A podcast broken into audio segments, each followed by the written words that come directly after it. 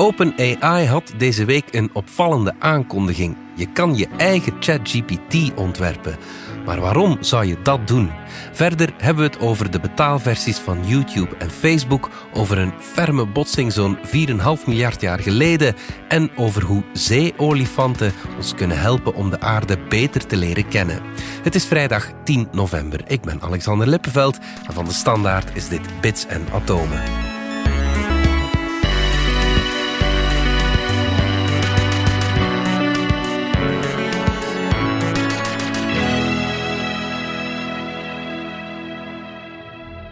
Pieter van Doren, wetenschapsjournalist en Dominique Dekmijn, technologiejournalist. Dominique, OpenAI, het bedrijf van uh, ChatGPT, heeft iets bijzonders aangekondigd. Je kan een, je eigen GPT maken. Ja, uh, de bedoeling is dat we dat inderdaad... Uh, ja, iedereen denk ik, kent ChatGPT. Mm dus de AI-chatbot waarmee je kunt praten, die bijna een jaar op de markt is en van het bedrijf OpenAI komt.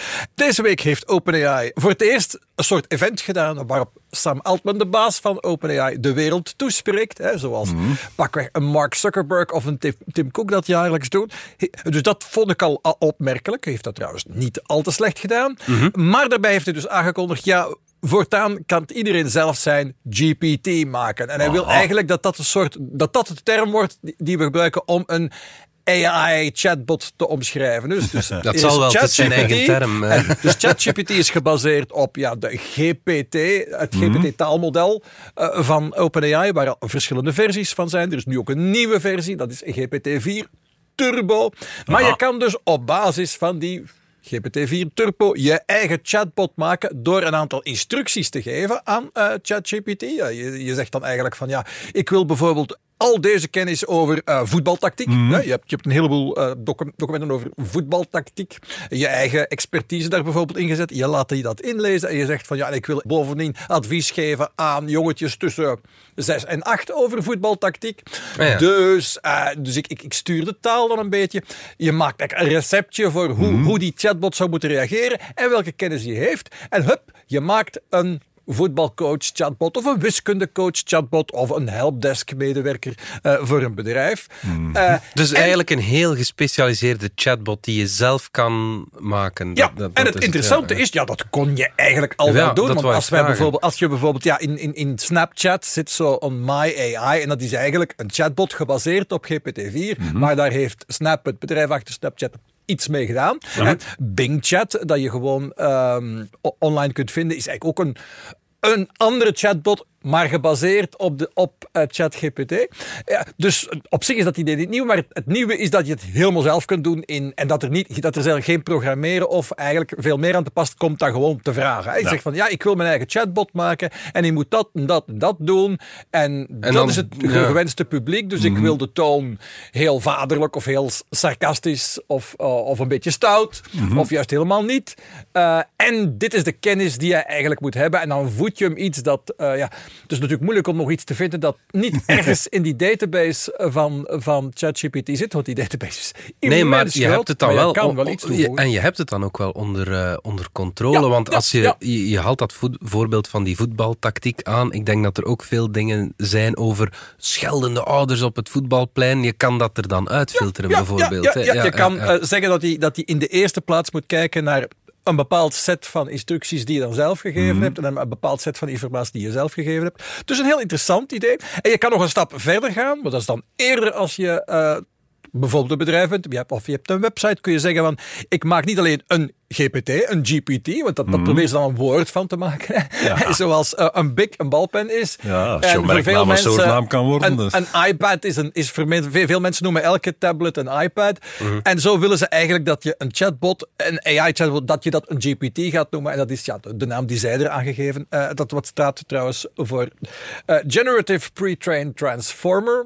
maar bon, dat, dat doet dan niet zo heel veel. Het pakt wel minder goed dan iPad bijvoorbeeld. Of maar, ik, maar ik moest nog iets anders vertellen. En je kan die GPT, als je die gemaakt hebt, ook te koop aanbieden in iets dat er aankomt, dat de GPT Store gaat heten. En dat klinkt als en dat is geen toeval als de App Store van Apple.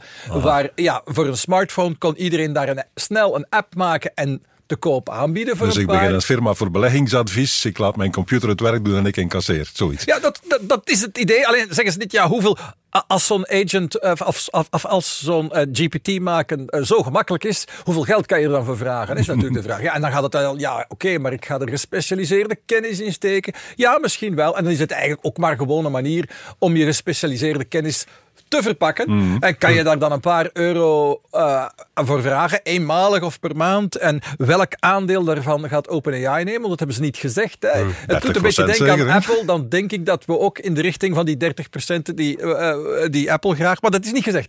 Uh, Dus dat, dat weten we nog niet. Maar er komt een store hè, en daar kan je dus misschien je eigen GPT gaan zitten verkopen. en dan kan je nog een stap verder gaan en je kan van die GPT een assistant maken. En dan mhm. maak je eigenlijk iets dat ook nog iets... Niet alleen een antwoord kan geven op een vraag, maar ook iets doen. En dat is dan meer specifiek. Ik heb een bepaalde website uh, en ik ga daarin een chatbot inbouwen die ook bijvoorbeeld ja, een bestelling kan invullen of een formulier kan aanvullen. Dus die binnen in mijn eigen programma, in mijn eigen website, een paar taken kan uitvoeren. En dat mhm. zit een beetje dicht bij dat idee uh, dat ik geloof dat we hier al een paar keer besproken hebben, die Microsoft Copilot idee, waar je dan een soort, dat, wat ook eigenlijk GPT-4 is, ingebouwd in een mhm. bepaald programma en waarbij het dat programma zelf een beetje bedient als je het met gesproken commando's aanstuurt. Interessante ideeën dus allemaal. En Sam Altman zei, hè, die dus eh, zelf het allemaal ingeleid heeft, die zei erbij, waar gaat dit allemaal naartoe? Ja, dit, hij zegt, dit, dit zijn de voorgangers, de voorgangers van de echte agents, mhm. eh, die we in de toekomst gaan zien. En een agent, dat wordt meestal begrepen als een soort, ja, min of meer zelfstandig stuk software dat in opdracht van jou dingen gaat doen waar dat je dan niet meer zelf naar moet omkijken. En die bijvoorbeeld inderdaad uh, dus, je, je uh, hele... Vanavond ben ik in Antwerpen, boek alvast een restaurant en een hotel, zoiets. Ja, ja, voilà. En dat kun je nu al min of meer bij elkaar puzzelen, maar niet erg goed. En dus het idee is dat je naar een agent gaat die echt effectief een verantwoordelijkheid kan nemen, maar die bijvoorbeeld ook ja, uh, e-mailconversaties uh, met mensen kan om een afspraak op je mhm. agenda in te plannen, die dat kan doen. Ja, het, het kan niet op woensdag, maar eh, heb je nog een gaatje op donderdagmiddag? Dat hele conversaties gaan voeren. Dat soort dingen wordt dan in het vooruitzicht gesteld. En daar staan we eigenlijk, als je het zo bekijkt, niet zo heel ver vanaf. En tegelijk ja, was dit dezelfde week waarin dat ook uh, Elon Musk zijn uh, eigen chatbot heeft geïntroduceerd. Mhm, die, uh, die, vooral voor fans van Elon Musk heel interessant. En die Grok heet. Grok. En dat is dan een woord dat komt uit een sci-fi roman van Robert Heinlein. En het, het, is een woord dat eigenlijk uh, uit de, Mars, de taal van de Martianen komt in dat boek. Dus ja, Elon Musk, Elon Musk Mars. Maar het heeft ook iets te maken met to grok something. Uh, betekent het heel, heel diep begrijpen. Uh, echt aanvoelen. van iets helemaal internaliseren, zo diep begrijpen. Dus helemaal geen slecht. Eigenlijk helemaal geen hm. slecht. Hè? Maar wat het eigenlijk uiteindelijk is, is een een chatbot met een beetje persoonlijkheid. Hij doet een beetje sarcastisch. Ja, en dus heeft... ik zelf ook kan maken. Dus. Wel, dat is net het punt. Hè? Dus dat is eigenlijk wat OpenAI nu zegt. Van als, je, als je de persoonlijkheid van ChatGPT niet helemaal je ding vindt, dan maak je er zelf een. En dan geef je hem de persoonlijkheid mee die je wil. Uh, dus dacht ik toch wel, uh, ja... Um, Best wel indrukwekkend hè? Dat, dat, mhm. dat, Elon Musk met zijn nieuwe bedrijf, eigenlijk zegt op vier maanden tijd, een chatbot heeft gemaakt die quasi, die, die min of meer op niveau staat, zullen we zeggen, van de GPT 3.5, de vorige versie, hè, die je nu mhm. nog in de gratis uh, ChatGPT hebt. Maar die, dat geven ze dan zelf toe, ze geven er cijfers bij, nog lang niet het pijl haalt van GPT-4. Dus heel mooi om op enkele maanden zo'n inhaaloperatie te doen. Maar ze zijn er nog niet. En goh, ik denk, denk dat we deze week wel gezien hebben dat, dat OpenAI absoluut niet van plan is zijn voorsprong uit handen te geven. Dat zou ik ook niet doen.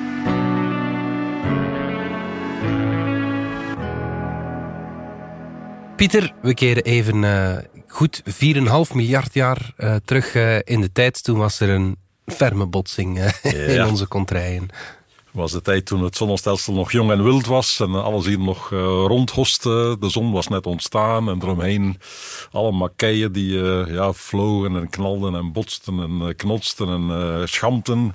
Er was nog geen aarde zelfs. Ja, er was nog geen aarde, maar langzamerhand begonnen die dingen samen te klonteren en de grotere begonnen de kleinere op te eten en je begon dus protoplaneten te krijgen, mm -hmm. planeten in aanleg. Eentje daarvan was Tellus, mm -hmm. die later Terra geworden is, de aarde. Mm -hmm. En andere was Theia, formaat van Mars uh, ongeveer. Mm -hmm. Hadden elk hun eigen baan, we zijn elkaar uh, op verkeerde moment tegengekomen. Knots en Theia is dus tegen uh, Tellus gebotst. Eindresultaat, Tellus heeft Theia helemaal opgevreten. Ja. Daar is de aarde uit ontstaan. En er is een blob weggespat en dat is de maan geworden. Ja, oké. Dat eh, weten we uit computerrekenwerk, dat het allemaal kan. En dat dat uh, zinnig en logisch is om het ontstaan van de maan te verklaren. Dat is een theorie die al een tijdje... Dat gaat al ja. enkele decennia ja. mee. Dat is van in de jaren zeventig hebben ze dat voor het eerst uh, beginnen uitrekenen. Mhm. En dan zie je inderdaad de maan verschilt op een paar dingen van de aarde. Er zit meer ijzeroxide in bijvoorbeeld. En dat kun je allemaal verklaren als er een planeet met een welbepaalde samenstelling, onder een welbepaalde hoek tegen een welbepaalde snelheid tegen de aarde gebotst heeft. Wat er dan uit voortspringt is zoiets dat wegspat en de maan kan vormen. Oké, geen probleem. Uh, de aarde zelf die is ja, compleet in gloeiende steenpap veranderd. Er was hier één magma-oceaan. Ja, okay. Dat is allemaal versmolten geraakt, was de theorie. Van uh, Theia is niks overgebleven. Is gewoon in de aarde versmolten, ver, verzwolgen. Ja. Maar in de jaren tachtig heeft men met uh, seismografie ook het binnenste van de aarde steeds beter leren kennen. En dan bleek dat ergens op de grens van de aardkern en de mantel. Aarde bestaat uit drie stukken eigenlijk: een kern, daaromheen een mantel en daarbovenop nog een dun laagje suikerglazuur, zeg maar, en een korst. dat is wat we zien. ja, voilà. Ja. En op de grens van kern en mantel hebben ze daar een paar rare dingen uh, ontdekt. Ze hebben dat voor het gemak Large Low Velocity Provinces genoemd.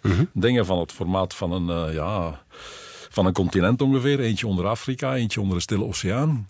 Die afweken van, van de rest van, uh, van de mantel. Maar iets dichter, een paar procent uh, denser. Hadden waarschijnlijk, denkt men, veel meer ijzer. IJzer is zwaar en dat zou dan die extra dichtheid verklaren. Ja, waar kwam dat vandaan? Niemand wist het echt goed. Uh, waren dat resten van de aardkorst uh, die naar binnen geduwd waren en daar uh, niet helemaal opgelost geraakt waren? -hmm. In het midden van de oceaan komt er voortdurend aardkorst bij. Dus ergens anders moet er aardkorst de dieperik in geduwd worden. Dat zou een verklaring kunnen zijn, maar goed, we kwamen er niet goed uit. En nu hebben een paar mensen in Nature is voorgerekend van kijk, onze computers zijn sinds de jaren 70 stukken krachtiger geworden. Dat ligt wel, ja. We gaan die berekeningen eens overdoen met uh, vele kleinere tijdstappen, met vele kleinere temperatuurstappen, uh, met een paar extra laagjes chemie erin, met uh, betere fysica. En eens kijken wat er dan uitkomt. En dan zie je inderdaad, we hebben dat dan ook op tv in beelden omgezet. Dan zie je die, die hele aarde zwabberen en klotsen en uh, bijna uit elkaar scheuren, maar net nog niet. En, af. Ja. En je ziet die, die, blokken, die blok wegspatten. En het eindresultaat is dat er in de mantel toch een aantal brokken van Theia blijven hangen zijn, langzaam naar beneden gezabberd. En uiteindelijk daar die twee uh, continenten gevormd hebben. Ja, ja. En Men hoe, weet hoe, nu hoe dat- diep is dat dan ongeveer in de aarde, weten we dat? Eh, Dat weet ik niet van buiten. nee. Heel, heel, heel. want heel het is diep. niet dat we dat zien, want ik, ik heb het Nee, even nee, nee. opgezocht. Het diepste gat dat we ooit gegraven hebben is 12 kilometer. eh, Voilà, en dat is nog steeds in de korst. Dat Ja, komt zelfs ja. niet in de buurt van eh, de mantel, terwijl de mantel vele keren dikker is dan de korst. Dat gaat over een paar duizend kilometer toch wel. ja, ja, ja. En eh, die modellen laten zien dat het inderdaad kan. Bij de botsing is het grootste deel van de warmte van die botsing is in het bovenste stuk van de mantel blijven hangen. Uh-huh. Die was echt gloeiend heet, maar het onderste stuk was kouder dan men vroeger dacht. En daardoor is niet alles gesmolten en versmolten geraakt. Ja. En zijn er daar dus nog stukken van Theia die daar onderaan hangen, denkt men. Nu, die botsing moet gigantisch geweest zijn. Ja. Die twee hebben elkaar eh, geraakt met 10 kilometer per seconde. Oeh, ja, dat is een ja. stuk sneller dan, dan, dan een geweerkogel. En dan nog, moet je rekenen, 20 minuten later wisten ze aan de andere kant van de aarde nog, of van Tellus nog steeds van niks. Ah, Ook al raak elkaar met 10 kilometer per seconde. Als je een ding hebt van een paar duizend kilometer doormeter, dan nog aan dat 10 is kilometer waar. per seconde ben je een tijdje bezig die schokgolf aan de andere kant is. Ja, ja, oké. Maar dat was onvoorstelbaar gigantisch. Mhm. Maar niet zo gigantisch als we eerst dachten. Er is een stukje van Theia overgebleven.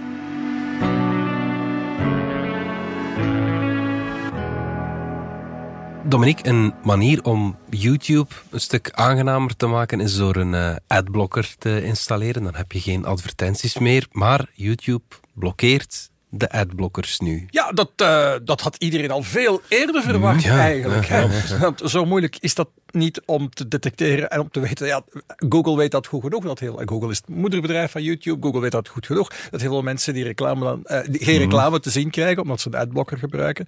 Maar Google heeft dat om niet helemaal duidelijke redenen jarenlang eigenlijk gedoogd. Mhm. En nu hebben ze plots gezegd, ja, nu is het genoeg geweest. En dat zou er iets mee te maken kunnen hebben dat ze ondertussen relatief goed boeren met de dienst YouTube Premium. En dat is dus eigenlijk, ja, je betaalt dan, uh, bij ons is dat nu 12 uh, eh, euro per maand. En dan krijg je uh, reclamevrij, YouTube. Mhm. En ze denken nu van, ja, als we nu al die mensen die zelfs geen reclame willen kijken, nu overtuigen van, als ze dan toch geen reclame willen, daar 12 euro per maand voor te betalen, ja, dan zijn we goed binnen. Mhm.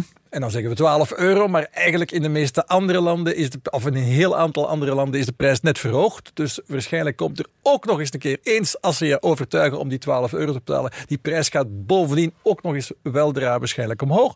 Uh, dus ja, interessante operatie, maar ze denken uh, blijkbaar dat ze er dan uh, toch wel wat aan, aan, overhouden. En de andere optie die je hebt, is je adblocker oninstalleren. -huh. dus een mhm. adblocker is, zo'n, is, is een extensie van je browser. Hè. Je, je, je, je, je installeert installeert die bovenop je browser en die zal in principe uh, reclame weghalen. Uh, wat iets is dat best wel wat mensen doen, maar mhm. je kan die dan ook weer afzetten op bepaalde websites. En je kunt ook gewoon zeggen van ik ga die op YouTube nu afzetten. Maar heel veel mensen blijkt, uh, honderdduizenden mensen, misschien eh, waarschijnlijk miljoenen mensen, waren hun adblockers er helemaal af aan het zwieren. Uh, en dat was niet helemaal duidelijk wat er aan het gebeuren was. Hè. Zeiden ze van, ja, die adblockers, wat, wat, wat baat een adblocker nog als je er op YouTube niet meer mee kunt? Want daar zijn uh, vinden veel mensen de advertenties het meest hinderlijk, omdat je mhm. moet wachten. Een advertentie op een gewone website, ja, daar moet je niet op wachten. Maar een advertentie op, uh, op YouTube, eh, dat duurt even. zijn filmpjes en die moeten dus afgespeeld worden. Hebben ze die eraf gegooid omdat ze geen adblocker meer willen, omdat het toch niet helpt? Of hebben ze die eraf gegooid omdat ze er een andere op willen opzetten, om te zien of die andere adblocker het nog wel doet?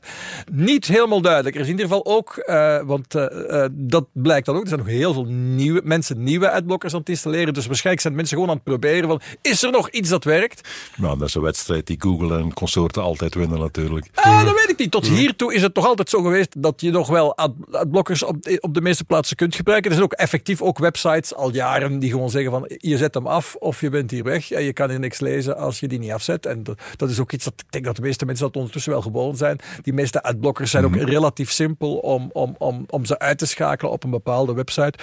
Dus de, de meeste van die, de, van die adblockerfabrikanten zijn inderdaad nu aan het zeggen dat ze proberen die blokkade dan weer te omzeilen, omdat ze dus duidelijk zien dat dat eigenlijk is wat de gebruikers echt verwachten.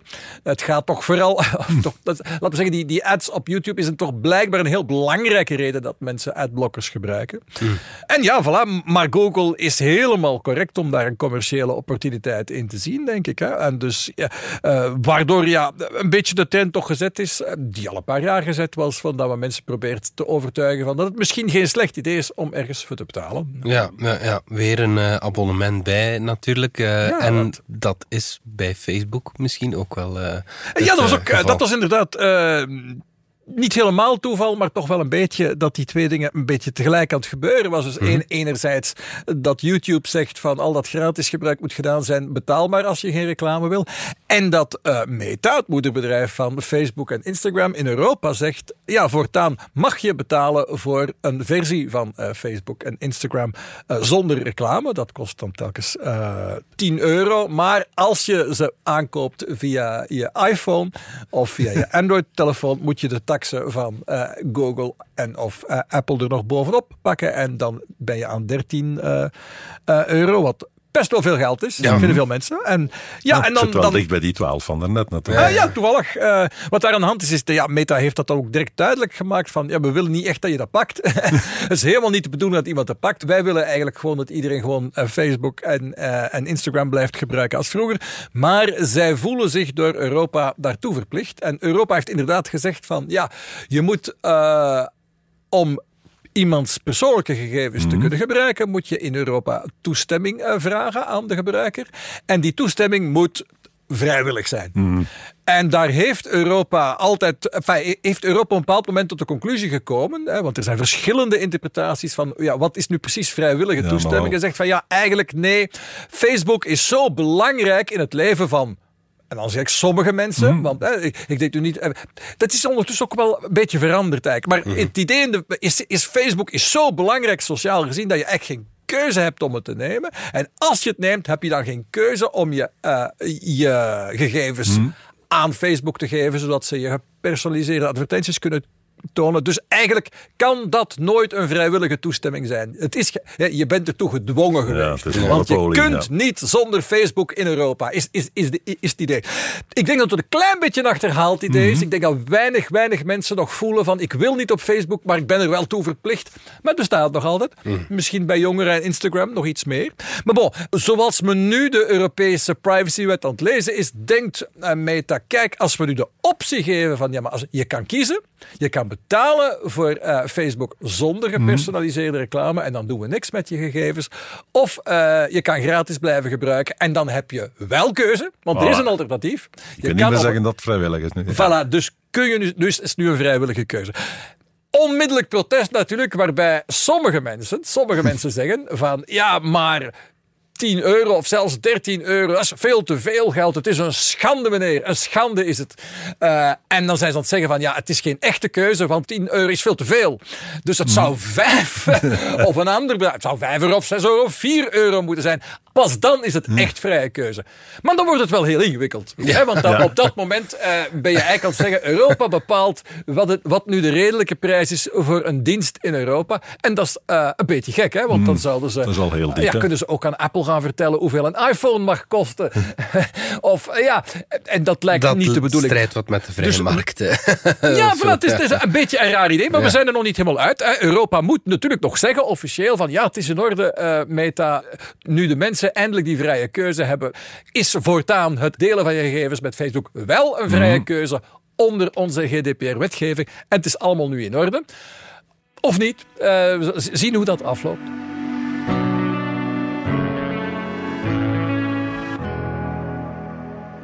Pieter, de bodem van onze wereldzeeën, die kennen we minder goed dan het heelal. Dat is zo. Hè. Ja, inderdaad. Dat is iets dat mij altijd gefascineerd heeft. Maar zeeolifanten kunnen ons helpen om die zeebodem beter te leren kennen. Yep.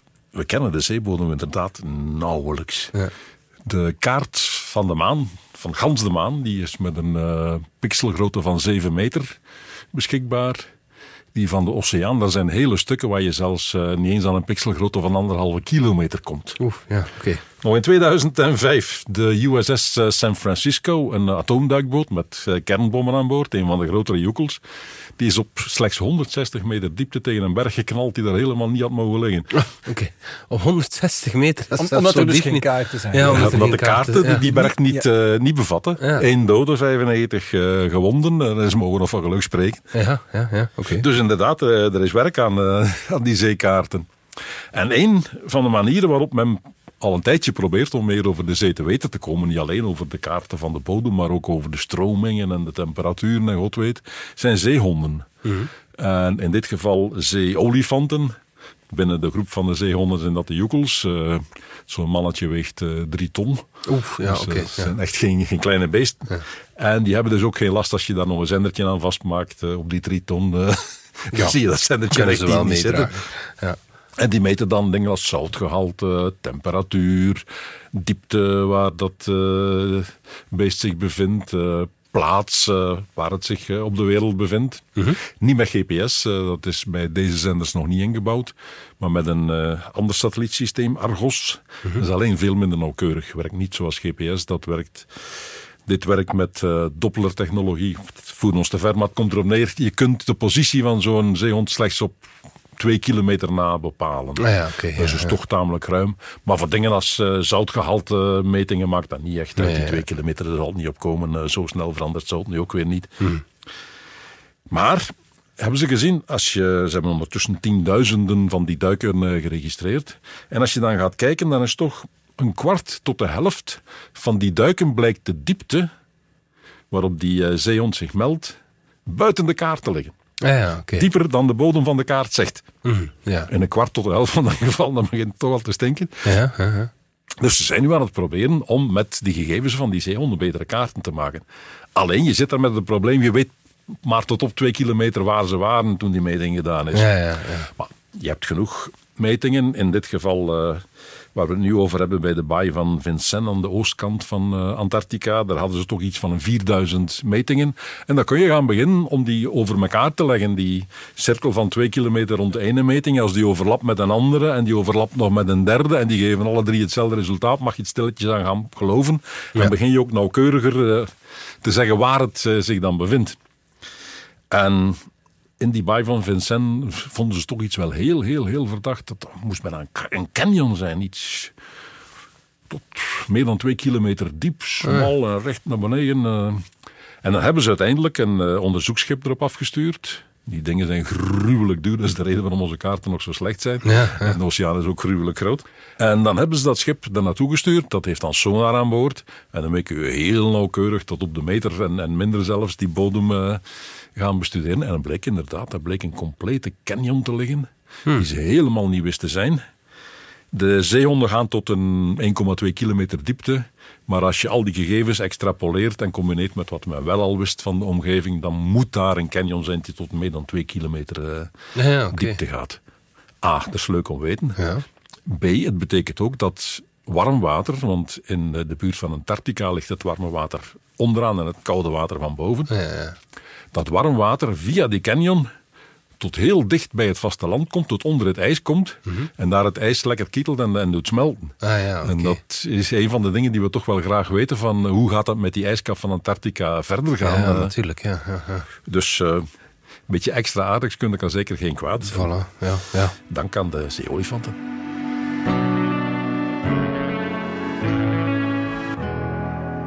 Tot slot, Pieter, de ster van de week, die heet de Rho Coronae Borealis. Uh, ja. Mooie naam.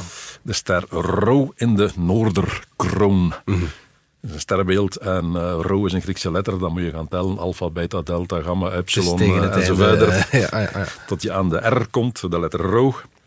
En het is dus die ster. Mm.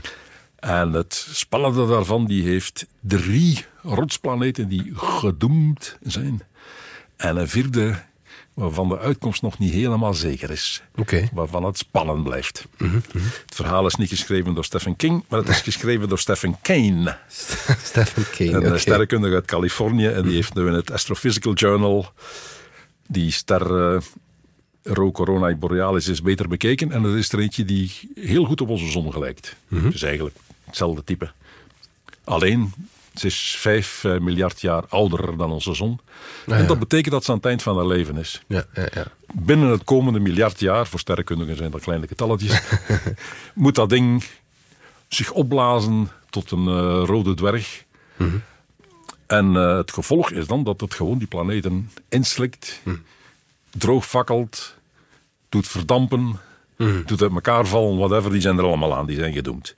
Mm. Alleen die vierde, dat zou kunnen dat uh, terwijl al die andere verdwijnen, gaan er allerhande rare zwaartekrachtdingen gebeuren. Dan mm. uh, krijgt het misschien een, een al hier en een trek langs daar. Mm. En zou het kunnen dat die vierde naar buiten ontsnapt, gekegeld wordt ja, en ontsnapt. Ja, ja. Maar dat weten we niet. Voor hetzelfde geld gaat hij ook richting sterren, uh, verdampt die mee. -hmm. Nu, dat is uh, leuk om te vertellen, maar het is ook interessant omdat die step hetzelfde is als onze zon. En ja, onze zon ja, gaat ja. dat ook meemaken. Niet binnen 1 miljard jaar, maar binnen 5 miljard jaar. Dus wij hebben wat meer tijd. Maar het kan toch geen kwaad dat we al een beetje beter weten hoe het uh, daar ooit zal gaan. Mm. Misschien kunnen we er nog iets aan doen. Mm. ja. En ook nog even tijd voor een opsporingsbericht. Vermist een gereedschapskoffer die op 2 november door uh, twee astronauten uh, verloren is aan het uh, ruimtestation toen ze daar buiten aan het werken waren. Laatst gezien door de camera van het ruimtestation. die heeft berekend dat hij niet met een botsing zal komen met het ruimtestation, dus ze hebben hem laten gaan. Maar die zwiert daar nu dus wel rond. De eerlijke vinder krijgt eeuwige dankbaarheid. Ja, oké, okay, goed.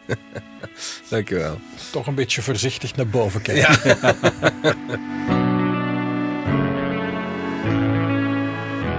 Dit was Bits en Atomen. Bedankt voor het luisteren. Volg ons op Spotify, Apple Podcasts of eender welk ander podcastplatform. In onze gratis app DS Podcast kan je niet alleen ons werk beluisteren, maar ook de beste podcasttips met zorg geselecteerd door onze redacteur Max de Moor. Alle credits van de podcast die je net hoorde vind je op standaard.be-podcast. Reageren kan via podcast.standaard.be. Volgende week zijn we opnieuw.